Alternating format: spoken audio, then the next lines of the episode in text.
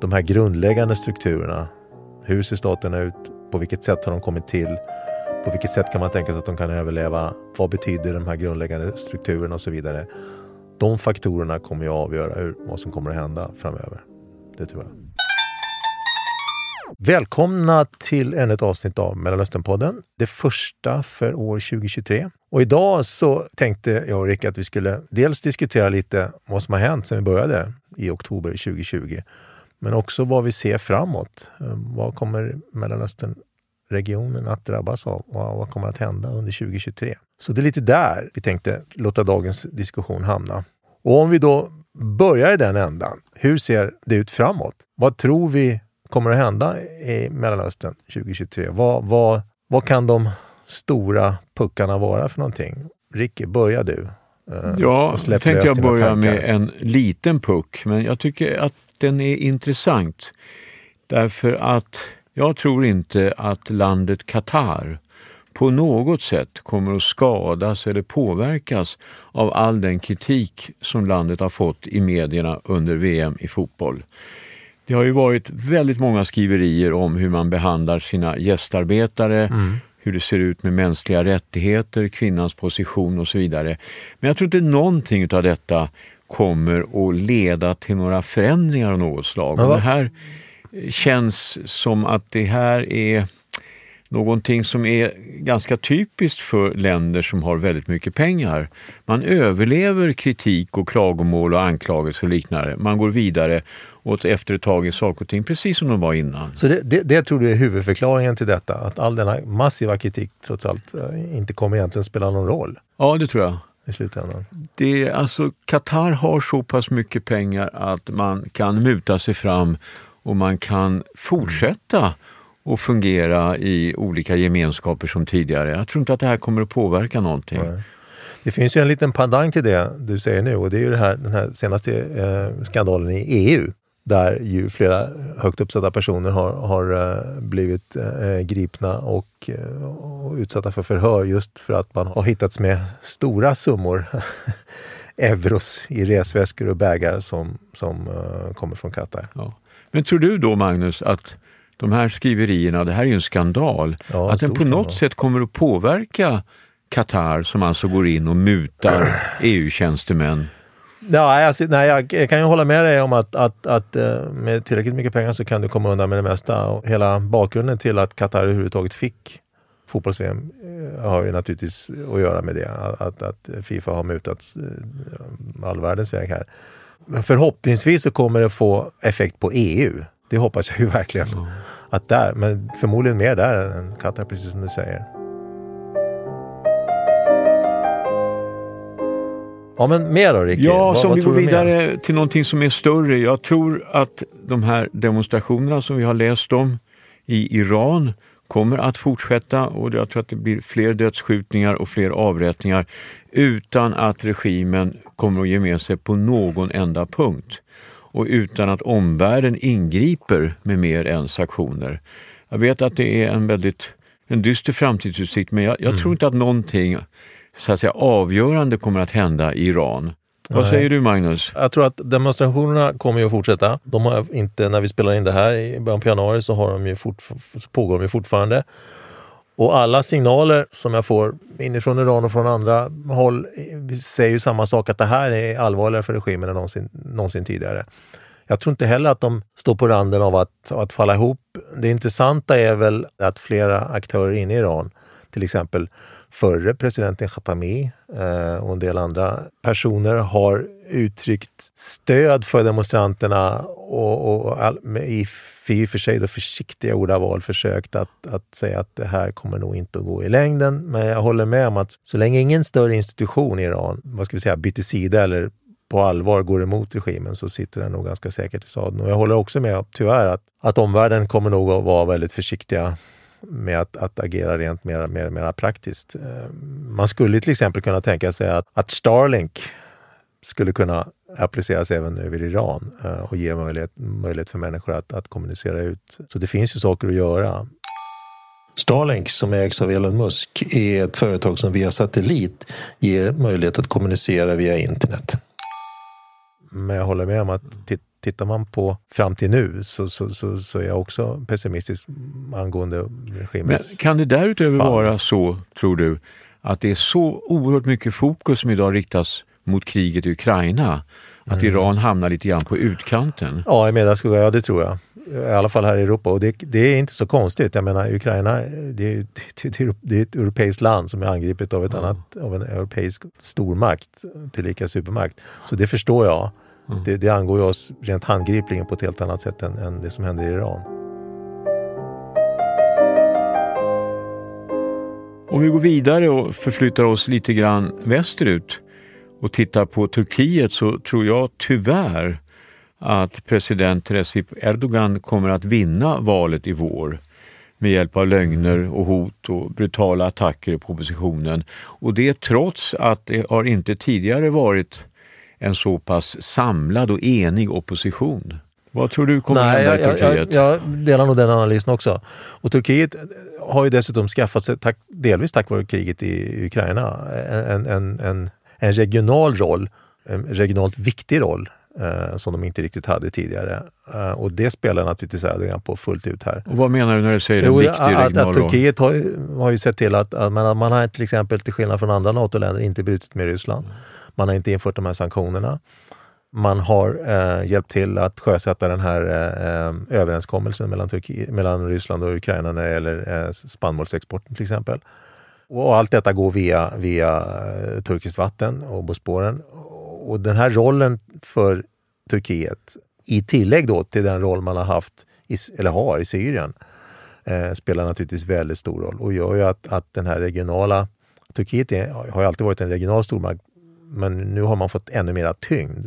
Och det vet man om i regionen och det vet man om i Ankara också. Och det här kommer naturligtvis Erdogan att driva stenhårt på. Jag tror till exempel inte, apropå det, att, att Sverige kommer att få någon, komma med i Nato innan valet i juni till exempel. Det här kommer eh, Erdogan att, att vrida ur så mycket han kan.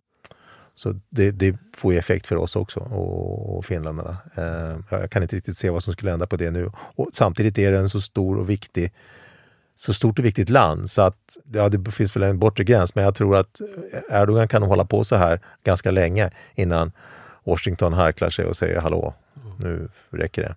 Men därutöver så är det ju så att Erdogan har fyra miljoner syriska flyktingar mm. i sitt land. Och han kan sätta press på Europa om han vill och bara förklara att snart öppnar jag gränsen norrut. Mm. Och då kommer de här fyra miljonerna syriska flyktingar förmodligen att försöka ta sig ut ur Turkiet. Mm, mm. Precis. Därtill uppmuntrad av den turkiska regimen. Mm. Det finns ju en överenskommelse med, EU och Turkiet redan när det gäller flyktingarna. Dels är den ju några år och den är också, står på ganska osäker grund. Så det är klart att Erdogan sitter ju med trumf på hand här. Ja. Det gör han helt och klart. den överenskommelsen inbegriper bland annat ett stort antal pengar som ja, flyttas över till ja. Istanbul varje år. Ja, ja visst, absolut. Så det, det håller jag med om. Nej, jag tror att, och, det betyder naturligtvis också att den här flyktingströmmen eh, inte kommer att avta kanske heller då, till Europa. Låt oss prata om flyktingströmmen mm. därför att det är ju svårt att tro på att emigrationen från Mellanöstern in till Europa kommer att upphöra på något sätt. Tvärtom, den kommer Nej. att fortsätta. Mm. Och Det har ju mycket att göra med att i de här länderna finns det inte särskilt mycket hopp om att saker och ting ska förbättras Nej. på ett avgörande sätt. Nej. Detsamma kan ju sägas om en stort antal länder söder om Sahara i mm. Afrika att även där så är det ett stort antal människor som inte har hopp om att framtiden kommer bli bättre Nej. och som kommer att försöka ta sig till Europa. Mm. Och det finns ju bedömare som menar att den typ av flyktingström som vi hittills har sett till Europa, till exempel det som skedde 2015-2016, det är bara en liten del utav det som vi måste på något sätt hantera i framtiden. Mm. Vi talar om mm. betydligt fler människor som vill flytta norrut. Mm. Just det. Det finns ju en, en diskussion i EU idag om, om eh, en, eh, att man ska sprida ansvaret för de här flyktingströmmarna. Just nu så tar ju eh, randländerna här, Spanien och Italien framförallt, då, men även Frankrike, Och Grekland tar ju en väldigt stor del av, av, av det här och att man ska försöka uh, sprida det på andra länder i EU. Jag är inte så säker på att det kommer att vara så lätt att genomdriva det ska jag säga. Med tanke på motståndet på andra håll. Men, men frågan är om det inte är en nödvändighet för att kunna hantera de här människorna som det handlar om. För det kan vara, jag håller med, jag tror att det kommer att, att vi kommer att se mer av det. Eh, det är lite utanför Mellanöstern-regionen men, men precis som du säger, de regionerna söder om Sahara mår ju inte bra ekonomiskt och politiskt heller. Och, och så länge man, man, eh, man i de här eh, randländerna i Nordafrika tillåter eller ser mellan fingrarna på den här smugglingen så kommer det naturligtvis att fortsätta. Men då finns det ju politiker, inte minst i Sverige, som säger att det vi framför allt borde göra är att hjälpa dessa länder att utveckla ja. en infrastruktur oh ja. som gör att det mm. blir drägligare att leva mm. i de mm. samhällena. Men frågan är, är det ett realistiskt perspektiv? Och är det inte också ett oerhört långsiktigt perspektiv? Jo, det är det. Det är inga nya frågor det heller. Det är inga nya tankar heller. Det har funnits med under, under lång, lång tid. Och en del av, av, av europeiskt bistånd har ju handlat om det, att bygga strukturer, att bygga demokratiska ekonomiska strukturer som ska fungera. Men det har ju, inte, det har ju gått sådär får man väl säga. På vissa håll har det fungerat bättre än på andra håll. Men jag tror också att det är en trend vi kommer att fortsätta se och det kommer naturligtvis att påverka eh, länderna i Mellanöstern och, och, eh, och, eh, oss här i Europa också. Men det lär ju absolut fortsätta.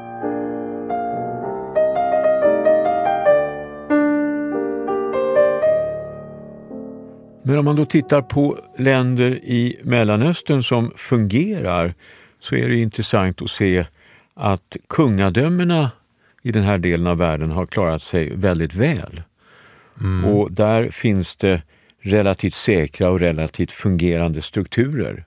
Mm. Och vi pratar då om stater där omvärlden vågar investera utan att vara orolig. Och dit turister kan åka utan att känna sig otrygga. Mm. Jag tänker till exempel på Marocko som kommer att locka till sig ännu fler turister från Europa och Nordamerika. Och jag tänker på Saudiarabien som kommer framöver kunna locka till sig än fler affärsmän från samma platser. Mm. Mm. Och då är frågan, vad, vad, finns det någonting man kan lära sig av det faktum att just kungadömena har klarat sig så bra i den här regionen? Ja, den frågan kommer vi, kommer vi återkomma till eh, i ett senare avsnitt. Men det är intressant därför att det, den, den tanken kom upp redan under när, när den arabiska våren bröt ut. och man tittade på vad som hände. Och att det faktum att, att kungadömena klarade sig betydligt bättre än vad republik, republikerna gjorde. Och det, det, finns väl en läxa där skulle jag väl tro någonstans. Frågan är hur den ser ut och exakt vilken läxa det är. Men skulle, Men, du, skulle du säga att i kungadömena så har man på olika sätt lyckats skapa ett mått av enighet och nationalism? Det finns en fungerande gemenskap. Ja, det, det, kan vara så. Jag, min egen fundering när det gäller stadsbyggande är ju att ett, ett problem för Mellanöstern som region har ju varit att de, de flesta länder inte har vuxit fram organiskt. De har inte haft nationella identiteter så vidare värst länge. Alltså det är efterkrigstiden vi talar om här. Efter, de är konstruktioner? De är konstruktioner från, från europeiska kartbord. Mm.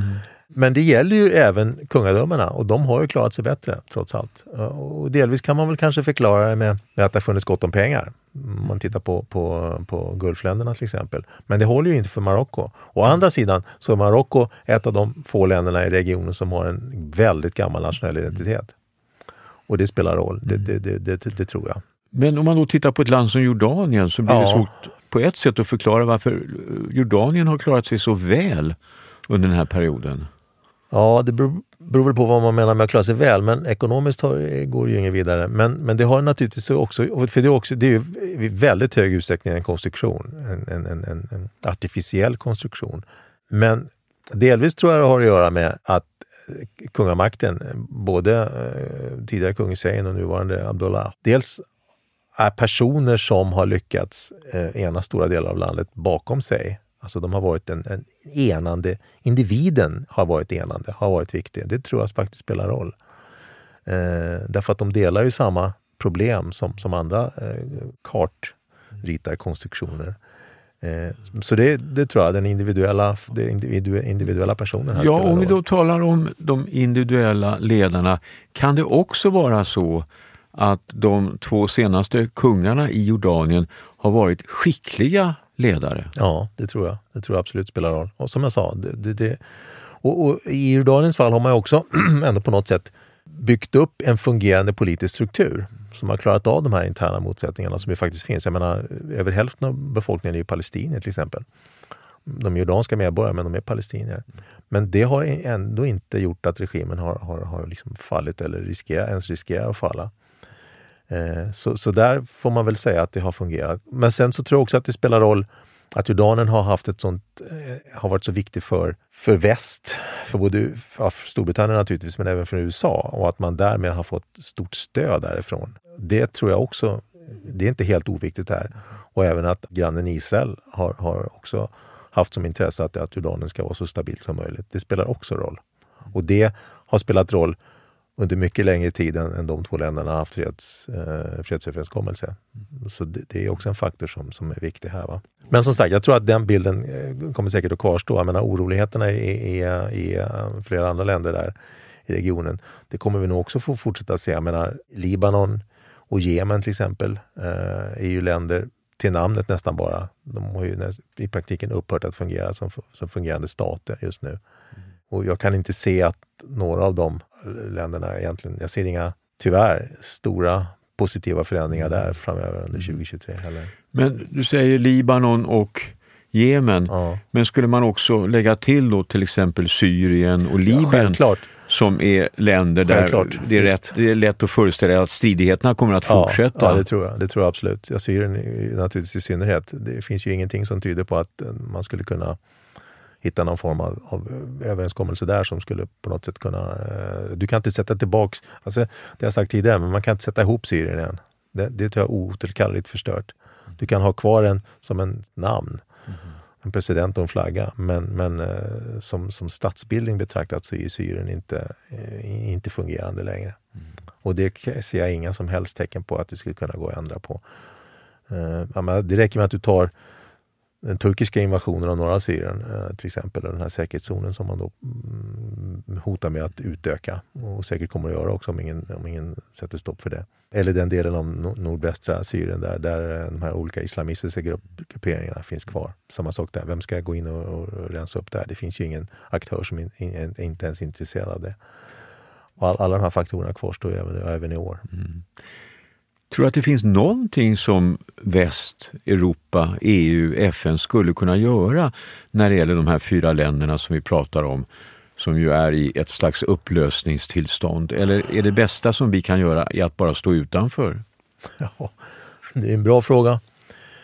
Alltså jag, jag tror att det är svårt, för att om man, om man tittar på en sån sak som, låt, låt oss ta den mest lågt hängande frukten här, nämligen ekonomiskt stöd hur ska det fungera i en, i, en, i en struktur som inte kan ta emot pengarna? Ta, ta Libanon till exempel. Hälla pengar på Libanon är som att hälla pengar i ett svart hål. Vem, vem ska ta emot? Det är genomkorrumperat redan. De interna strukturerna har i princip upphört att fungera. Eh, och alla som kan tar sig därifrån så fort det går. Eh, det finns liksom inte någon adressat egentligen eftersom regeringen inte, kan, inte har kontroll och, och, och inte kan ha kontroll heller. Hade det här varit för hundra år sedan, då hade NF, Nationernas förbund, klivit in och, och delat ut det som ett mandat till Frankrike eller Storbritannien, tror jag. Men det kan man inte göra längre. Eller det kanske man kan, men det, det finns ju inte på kartan.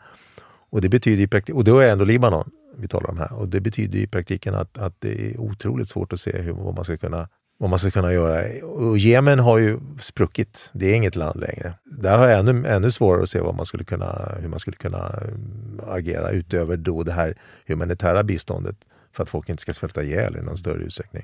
Men det här så att säga, fortsatta, den fortsatta upplösningen mm. av Libanon som du beskriver ja, ja. och som bland annat ger Hezbollah större makt och dominans. Ja. Tror du att det kommer innebära att Israel kommer att agera? In, nej, inte om man inte är absolut tvungen. Jag tror att israelerna har lärt sig den läxan väldigt väl.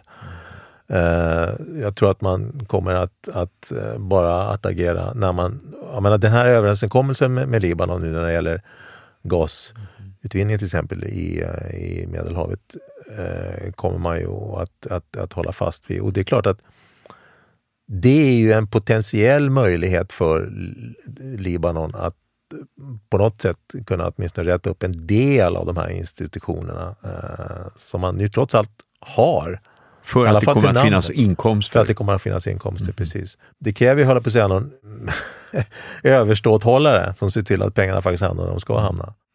Och jag, jag, vet inte vem som skulle vilja ta, ta, ta ett sånt självmordsuppdrag, men, mm. men jag tror att det behövs. Men om det går att lösa så finns det i alla fall en potentiell möjlighet. Och det finns ju inte i Jemen till exempel, och inte i Syrien heller. Mm. Vilket gör då eh, bisarrt nog gör Libanon till ett land som, där, där det skulle finnas en möjlighet att kunna agera. Men då krävs det tror jag att någon, vem den nu någon skulle kunna vara, eller några personer skulle kunna se till att, att försöka då utgå från de institutioner som finns, göra om dem, reformera dem. Mm. Och det är också ett krav från libaneserna själva. I de demonstrationer som har funnits så är det det man har krävt. Att bort med den här oligarkerna, bort med de här, den här korrumperade eliten. Gör om och gör rätt. Mm. Och, och det, det, tror jag är en förutsättning. Mm. Och, och, och uh, hur det ska gå till, det, det, det vet inte jag. Men, mm. men jag tror att det är nödvändigt för att det, överhuvudtaget ska finnas en chans. Okej, okay, nej, det ja. är dystert. Vi har pratat om fyra länder som alla ja. har oerhört stora problem. Låt oss gå till ett femte land som ju var det land som klarade sig allra bäst under den arabiska våren och där det kom till en demokrati som har hyllats och som har varit något av ett undantag i regionen. Mm. Och Det som händer nu i Tunisien är att delar av den här demokratin håller på att nedmonteras. Mm, och då är frågan, tror du att det kommer det att fortsätta eller tror du att det kommer att ske någon form av folklig reaktion på det som pågår just nu? Ja, det är ett både ett intressant och sorgligt exempel på. För som sagt, Tunisien, när vi hade avsnittet om Tunisien så var ju det den arabiska vårens enda överlevande blomma, ja. tror jag vi hade som rubrik. Och det var ju det då. Uh, och, och, jag tror att det Tunisien har, som ju inte är så himla vanligt förekommande i, i regionen, det är ju ändå trots allt institutioner som har byggts upp under tid i högre då eh, så att säga, modellerade efter Frankrike. Och det tror jag räddade dem under den arabiska våren i väldigt hög utsträckning. Och de, klart, de finns ju kvar. Och jag tror att det, där finns en, i det faktum så finns en motståndskraft i Tunisien som möjligen kan hantera och, och kanske viss mån gå emot presidenten då som ju tar sig friheter här. Och, och Med andra ord, vi ska hoppas på att den utbildade medelklassen ja. och civilsamhället ja, i Tunisien ja, kommer att reagera framöver. Ja, för det finns en sån där. Och det, det, är inte så himla vanligt i regionen, men det finns i Tunisien.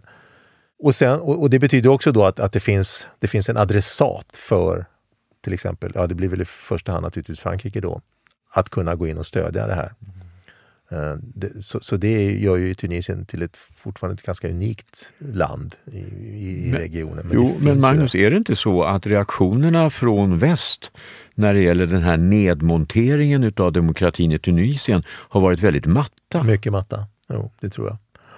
Och det finns väl en sorts trötthet, tror jag, hos omvärlden, eh, inte minst då Frankrike, när man när du ändå trodde att här är ett exempel på hur förändringarna under arabiska våren ändå, ändå kunde leda, ut till något, leda fram till något mycket, mycket bättre. Och så ser man att det bara rasar på, en, eh, på ganska kort tid. Alltså så, och jag, jag, jag, jag, vet ju inte det, men jag skulle tro att, att det finns en uppgivenhet i, i, i Bryssel och i Paris med Tunisien som gör att man inte riktigt orkar ta tag i det här. Bortsett från alla andra faktorer som att man inte ska lägga sig i och så vidare. Och så vidare. Eh, det är ju känsliga frågor det där. Men jag tror att det finns ett stöd för omvärlden att agera mer proaktivt i Tunisien eh, tack vare då den här som du nämnde medelklassen. Eh, eh och, det, och det finns ett större stöd där än det finns på andra, eh, på andra håll i regionen.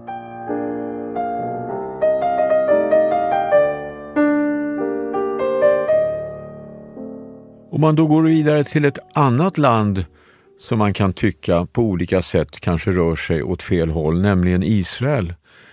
Vad, vad, känner du för Israels utveckling om du tittar på det som har hänt på sistone och den nya regering som Bibi Netanyahu har format? Ja, det är intressant då, man sätter på mig statsvetarhatten här. Det, det, det mest oroväckande är inte egentligen att det finns knäppskallar i, i Knesset. Eh, det är det inte, utan det, det, det tror jag nog att det, det, systemet skulle kunna fungera.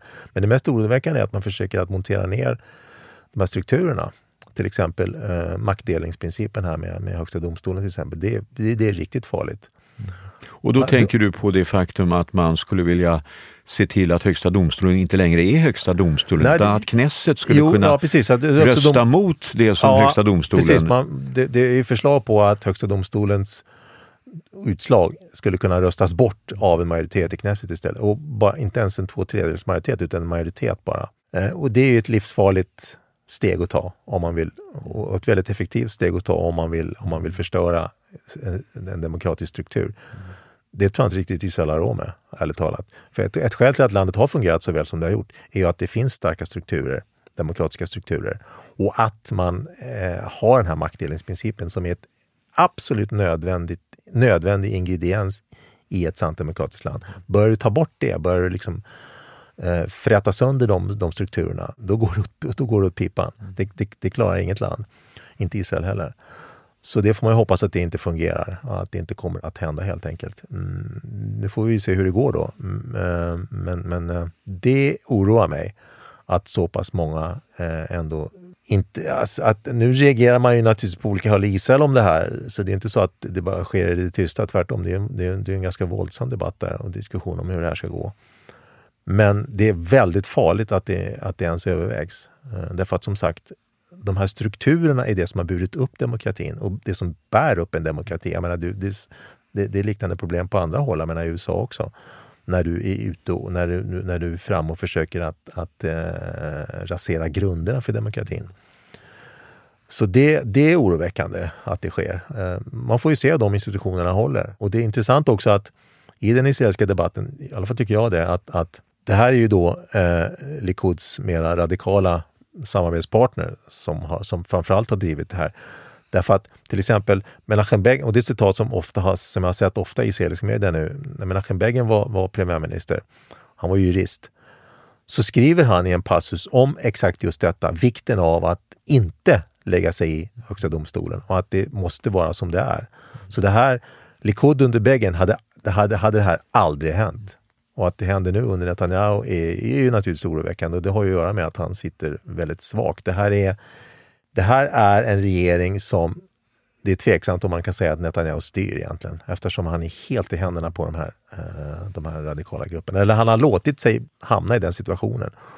Och där har man ju under lång tid drivit de här frågorna eh, som är väldigt odemokratiska. Men det är ju också så att inom Likud finns ett visst motstånd mot de här extrema partierna. Det Visst. Och det finns ju folk som tror att den här koalitionen kommer inte att hålla i det långa loppet utan Nej. man tänker sig att ett antal medlemmar, Likud-medlemmar kommer att lämna regeringen. Mm, mm. Och då fattas det en majoritet och då kanske ja. det blir ytterligare ett val i Israel. Ja. Jag vet, det var, det, så har det gått tidigare. Eh, så, det har hänt tidigare eh, eh, naturligtvis. Och det kan naturligtvis hända igen. Jag tror inte heller den här regeringen kommer att sitta i fyra år. Av precis just de här skälen då. Mm. Det finns ett motstånd här. Det återstår ju att se då. Men som sagt, det återstår verkligen att se. Mm. Men det är oroväckande att, att, att de här tendenserna finns.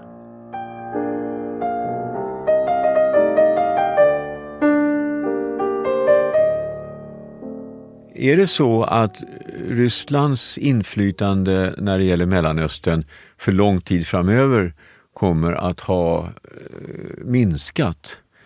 Ja. Att Ryssland är en aktör som på något sätt av olika skäl inte kommer att vara lika dominerande i den här regionen? Ja, det tror jag. Det, det tror jag är en konsekvens av Ukraina-kriget, absolut. Eh, även om, om länderna i Mellanöstern inte har, har brutit med, med, med, Ryssland på samma sätt som till exempel EU har gjort eller väst, väst har gjort, eh, så ser man ju vad som händer. Mm. Och att, att Ryssland mer eller mindre har blivit eh, ekonomiskt en vasall till Kina till exempel. Eh, och att man inte alls har det inflytande. Mm. I det fall som Ryssland har ett inflytande så är det för att länderna låter Ryssland ha det. Jag menar, Syrien är ett bra exempel på det. Eh, till exempel. Jag menar, det israeliska argumentet för att inte bryta med Ryssland har ju varit att man, man har varit orolig för, för ryska agerandet i Syrien. Men det är ett, ett uppriktigt sagt skitdåligt argument därför att israelerna skulle utan problem kunna uh, tvinga ner ryssarna på marken i Syrien utan att det skulle kosta dem speciellt mycket. Så att det har nog mer att göra med att man har varit orolig för att USA var på väg bort. Men, men det, jag håller absolut med. Jag tror att det ryska inflytandet i Mellanöstern eh, kommer att minska eh, på olika sätt på grund av kriget i Ukraina och de, de missgrepp som har skett och, och det faktum att Ryssland i väldigt hög utsträckning har visat sig vara en papperstiger. Mm. Det är ingenting att hålla sig i när det blåser riktigt ordentligt. Mm. Om vi nu vänder på kuttingen lite grann och tittar på vad är det mest uppmuntrande i den här regionen? Mm. Och, och, då, ja. det kanske låter märkligt, men då vill jag placera Israel i den kategorin. Därför att även om det okay. finns problem så är Israel fortfarande ett demokratiskt samhälle, ett välmående land och ett slående undantag i Mellanöstern.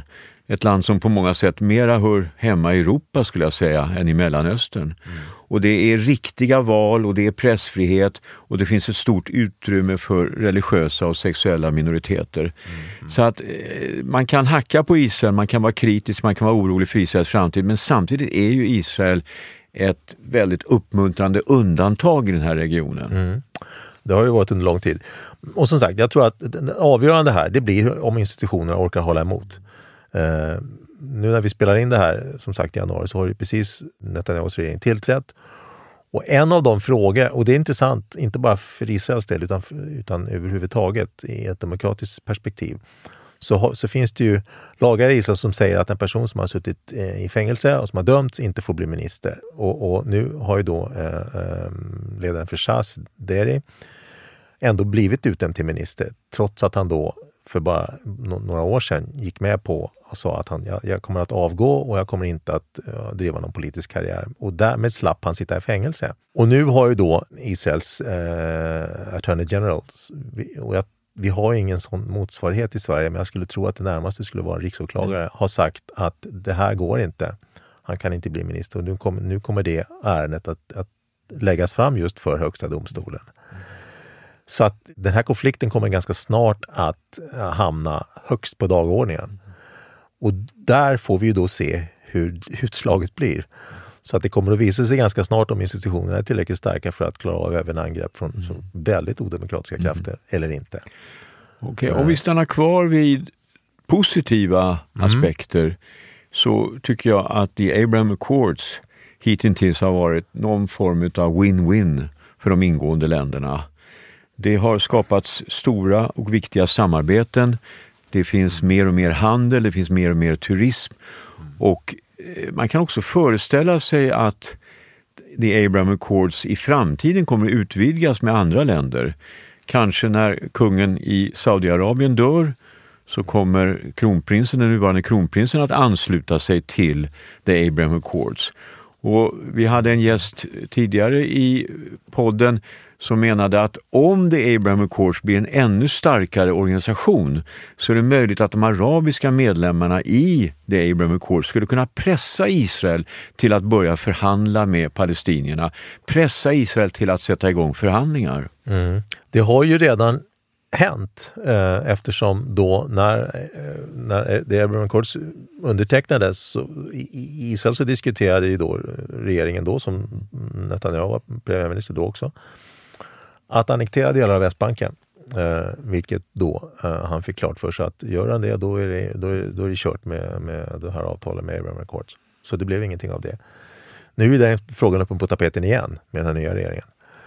Eh, och samma diskussion har ju hänt igen. Så att det finns ju en, en, en, redan idag en sån möjlighet för, för de här länderna att, att ligga på Israel och det tror jag är exakt vad som kommer att hända.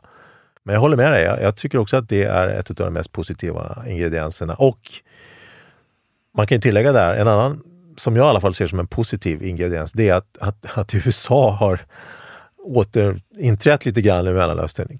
Inte som, kanske så mycket som man var tidigare naturligtvis, men, men i alla fall tillräckligt mycket för att visa att man är kvar mm. och att man har en roll att spela. Och, och, ett skäl till att både under Obama och under Trump då, när USA mer eller mindre drog sig undan, en, en konsekvens av det blev ju att, att andra aktörer fick en, fick en roll där att, att, och att konflikterna med Iran blev mycket mer tydliga till exempel. Och att, att tyvärr, tyvärr får jag säga, att ett land som Saudiarabien och, och även Israel i viss mån, inte närmade sig kanske men, men till viss del byggde ut sina förbindelser med Ryssland. Det ser man ju nu i kriget i Ukraina, hur illa det har slagit. Mm. Men en aktör då som har blivit än mer aktiv i det här området, det är Kina. Mm. Och vi hade ju en gäst i vår podcast som ja, pratade precis. just om att många utav ledarna i arabvärlden inser att det finns fördelar med att ha både Kina och USA mm. Mm. som eh, aktörer i Mellanöstern. Och att ja, förlita sig enbart på Kina kan vara riskabelt. Ja. Ja precis, det tror jag inte att någon är intresserad av på det viset. Utan till viss del så handlade det här om att USA faktiskt drog sig ur. Att man valde att, att, att, att göra det, att bli mindre aktiv. Och det är klart att, att eh, politiska tomrum på det viset, de fylls ju alltid nästan av någon annan. Och i det här fallet så blev det Kina framförallt. Så det, men det, det, tror jag, den, den, den, pragmatiska delen som ju ändå finns i stora delar här, är naturligtvis mer intresserad av att, att kunna balansera de här olika krafterna mot varandra. Ja, och skulle du säga till exempel att det här dealet om gasfyndigheterna i Medelhavet, dealet mellan Libanon och Israel, mm. att det är ett tecken på, för det har ju så att säga USA har varit barnmorska ja, för det, det dealet och att det är ett tecken på att Amerika nu är lite mer intresserat av att vara aktiv i Mellanöstern. Ja, jag hoppas det. Jag hoppas det. Jag hoppas att, att, uh, att det håller i sig. Därför att oavsett vad man tycker om det så är USA så, en så viktig aktör. Så att om, om, om den aktören kliver ut åt sidan, då, då blir det ett tomrum som någon kommer att försöka fylla.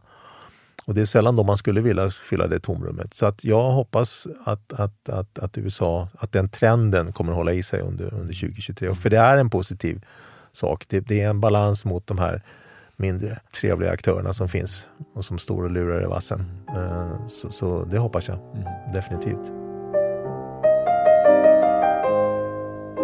Om man då går vidare till ska vi säga, mindre omfattande projekt så tycker jag att det är uppmuntrande att se att flera utav de oljerika länderna har börjat planera för en framtid där man inte är lika beroende utav olja och gas. Mm. Och Det gäller till exempel Förenade Arabemiraten, det gäller till exempel Saudiarabien. Att man inser att man måste kunna skaffa sig inkomster från något annat håll. Mm. Därför att efterfrågan på gas och olja kommer att minska. Mm. Jag tror att det kommer att ta ett tag i och för sig.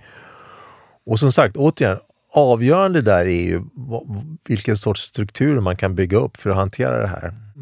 Men visst, jag håller med om att det finns en, åtminstone en vilja att se saker och ting på det viset. Den fanns ju inte, inte tidigare på samma sätt. Och då nöjde man sig med att, man, att pengarna rullade in tack vare olja och gas. Mm.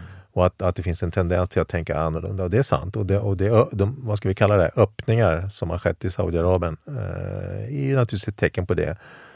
Hur det kommer att gå är för sent att säga, men det är i alla fall ett positivt tecken mm. att det är så. Eh, ja. Det, det, kan jag hålla med om. Och De här öppningarna de omfattar ju väldigt många olika saker. Jag menar Saudiarabien har ju på senare tid tillåtit konserter, resetävlingar, filmvisningar. Mm. Män och kvinnor kan sitta i samma café och i samma restaurang mm. och så vidare.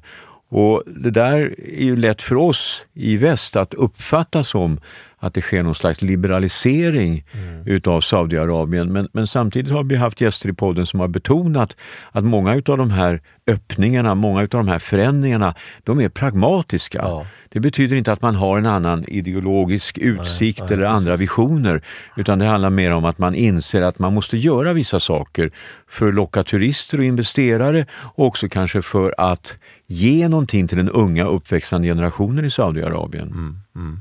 Det tror jag. Det, tror jag. Det, det, det är viss mån kosmetiska förändringar som, som inte, som inte så att säga, stör de underliggande ledande strukturerna. Det, det har, tror jag också man ska ha klart för sig. Det, det, är precis som du säger, vi har en tendens att tro att oj, titta nu får kvinnor köra bil. Då håller Saudiarabien på att bli liberalt, men så är det naturligtvis inte. Men, men om man då ändå ska titta på positiva tecken så är det ändå trots allt ett sådant. Eh, om det håller eller inte, det återstår ju att se. Då. Men som sagt, det är inte så himla lätt att se mycket positivt i Mellanösternregionen idag. Så man får ta det man, det man får. Helt ja, enkelt, lite och grann. Om man ska sammanfatta vårt samtal nu så tycker jag väl att vi egentligen säger att särskilt många stora förändringar finns ingen anledning att förvänta sig. Nej. Och, och när jag sagt det, då tycker jag också att det är viktigt att påpeka att Mellanöstern är en märklig region. Saker och ting kan hända väldigt snabbt. Stora mm. saker kan äga rum utan att det kanske finns varsel. Jag menar, mm. det är Revolutionen i Iran var kanske ett sånt exempel. Ja, Den arabiska bars, våren var kanske ett sånt exempel. Alltid, Jom Kippur-kriget kanske var ett annat sånt ja. exempel.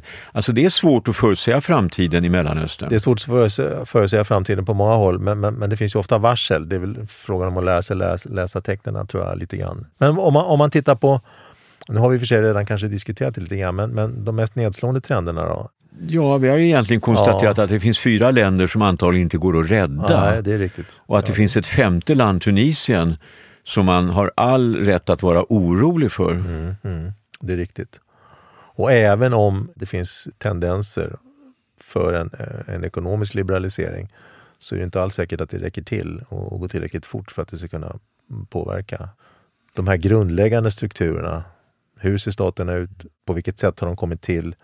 På vilket sätt kan man tänka sig att de kan överleva? Vad betyder de här grundläggande strukturerna och så vidare? De faktorerna kommer att avgöra hur, vad som kommer att hända framöver. Det tror jag. Nästa avsnitt av Mellanösternpodden kommer torsdagen den 16 februari. Då ska det handla om kvinnan i Mellanöstern. Välkomna då!